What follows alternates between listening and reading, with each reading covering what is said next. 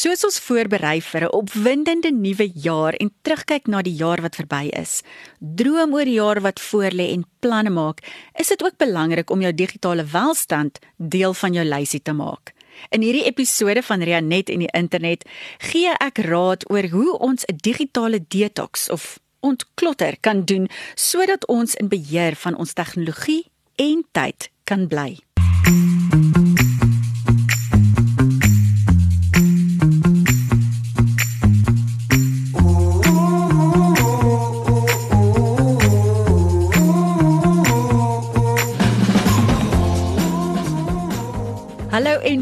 Welkom by Rianet en die internet in samewerking met Marula Media.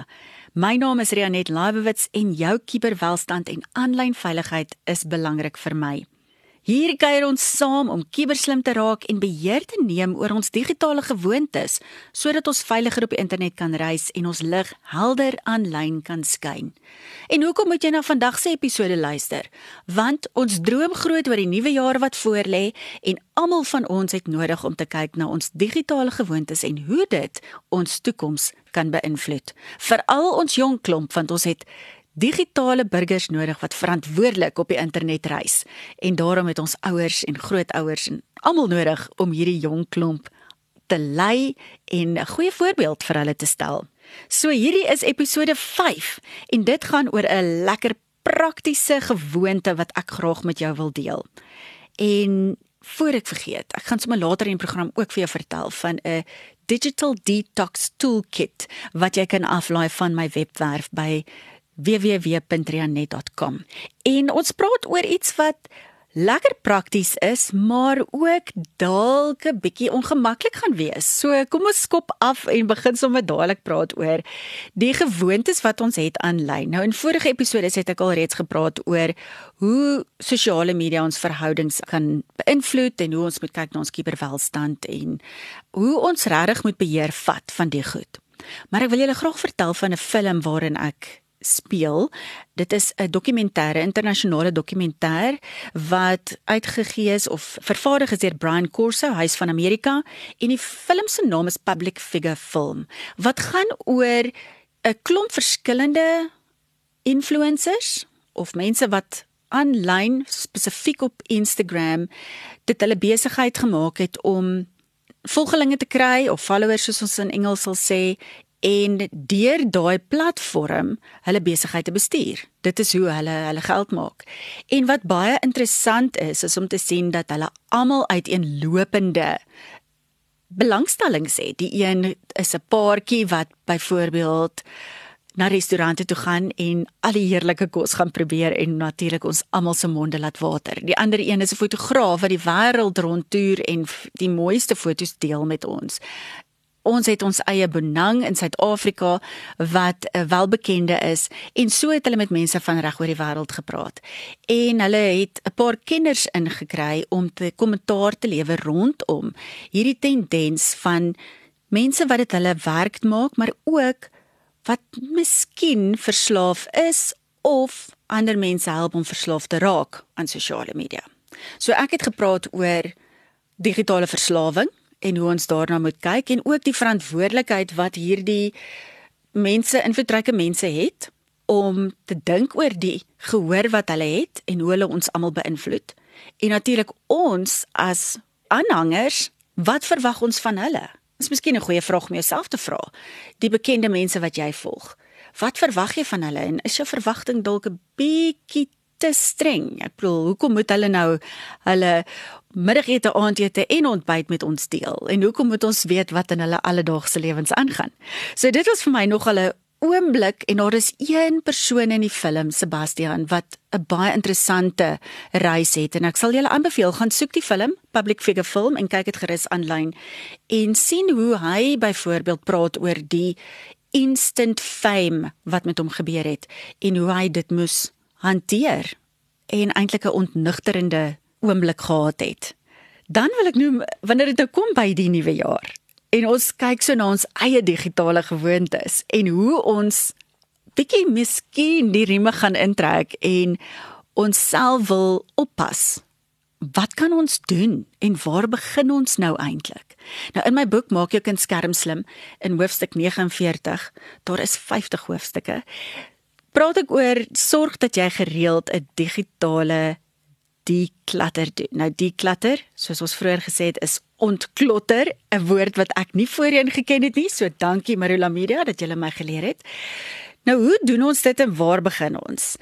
Nou kom ek begin net eers om te sê ons almal dalk is jy beter as ek, maar ons almal het daai laai wat niemand moet oopmaak nie want as jy hom oopmaak gaan daar dalk goed daar uitspring wat jy van vergeet het want al die knope en die ou batterye en kaartjies wat jy ingevul het maar nooit gaan aflewer het of kompetisies wat jy wou aan deelneem, skroewe wat los is, alles word mos nou net daarin geprop.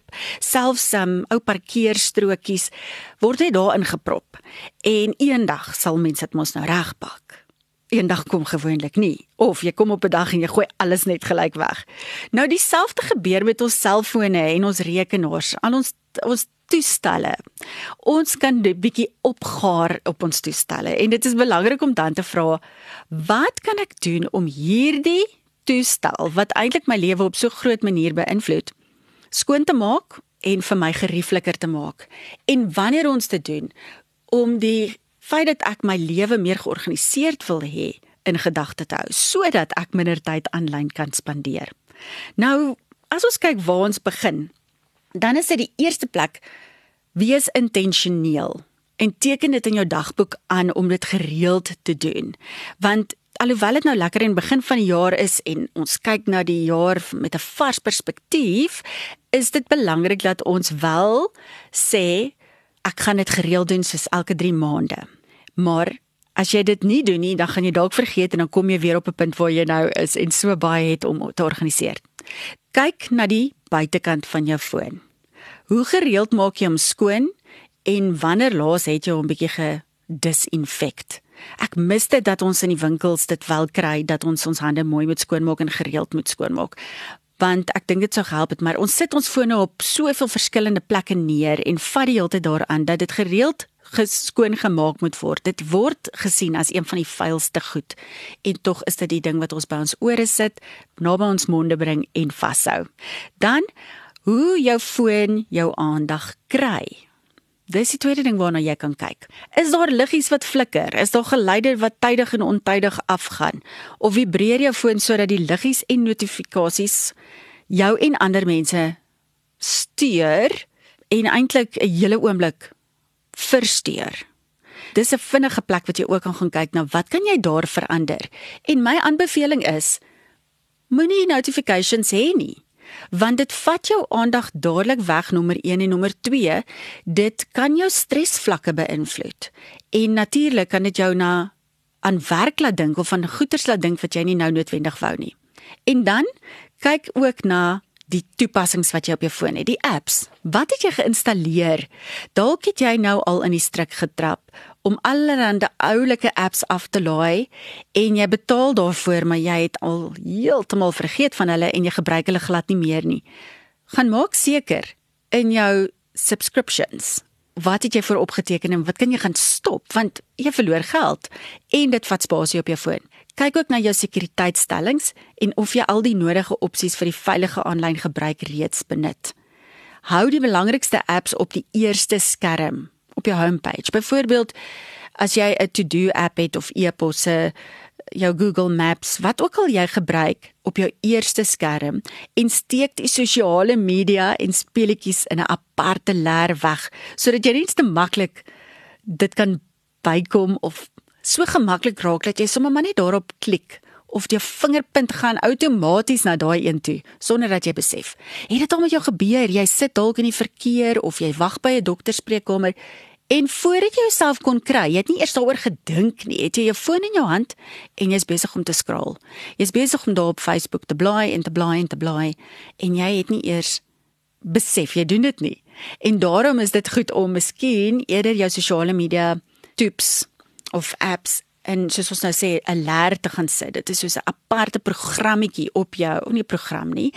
'n Leer is die beste woord wat ek kan gebruik, sodat jy hulle groepeer. So wanneer jy ook na jou foon kyk, jy na jou skerm kyk, dan is die die verskillende toeps gegroepeer op so 'n manier dat dit vir jou sin maak.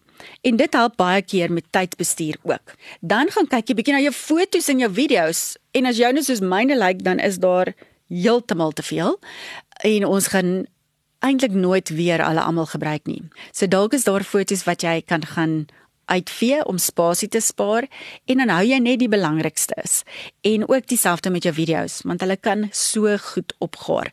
En onthou om hulle te gaan stoor op 'n ander plek ook, 'n backup te maak want ai dis darem baie hartseer as 'n mens se foon in die water val of iemand dit steel of dit raak verlore en mens kry nooit weer daai foto's terug nie. So maak seker dat jy dit iewers anders gaan backup en ons sal weer daaroor praat, maar maak seker ook dat dit dan veilig bewaar word in terme van dat iemand anders dit nie kan toegang tot dit kan kry nie. Goed, en dan jou e-posse. Oei, groot uitdaging. Gaan maak bietjie daai inbox van jou skoon vee uit wat jy kan. Gaan unsubscribe as jy kan vir al hierdie nuusbriewe waarvoor ons so gereeld opteken en nooit lees nie. Gaan haal hulle af. Maak jou maak jy jou lig, jou las ligter wanneer dit by e-posse kom. Dan is dit ook goed om te kyk na jou beskikbare spasie om dit optimaal te kan benut en um, jou lêste organiseer. En hier is 'n lekker een. Speletjies. Ons gaan laai gereeld speletjies dalk af en speel dit so 2 of 3 keer, vergeet daarvan en dan sit dit net daar. Of jou speletjies vat dalk te veel tyd en dit is dalk tyd om hulle te gaan afhaal sodat jy meer aandag aan ander goed kan gee. En dan natuurlik moet ons onthou van al die ander toestelle ook om te verseker dat hulle nog goed met mekaar praat en onthou ook terwyl ons daaroor praat, doen gereelde opgraderings of updates en onthou om jou wagwoorde ook gereeld op te dateer sodat jy veilig is in daai omgewing en dat jy weet jy gebruik die nuutste weergawe van die sagte ware van jou foon of jou rekenaar. Nou, hierdie is net 'n paar voorstelle. Ek sou graag wil hoor wat doen jy om jou digitale declutter of ontklotter te doen En wat werk vir jou? Dink jy dit is nodig? Dink jy dit is tydmors? En dink jy ook dat dit tyd is dat ons dit bietjie moeiliker maak om by ons sosiale media platforms uit te kom? Deel gerus jou voorstelle met my op sosiale media by Cyber Wellness with Rianet. Ek sal so graag van julle wil hoor. Dis altyd vir my lekker om te hoor wat ander mense doen en wat werk en hoe julle dit ondervind.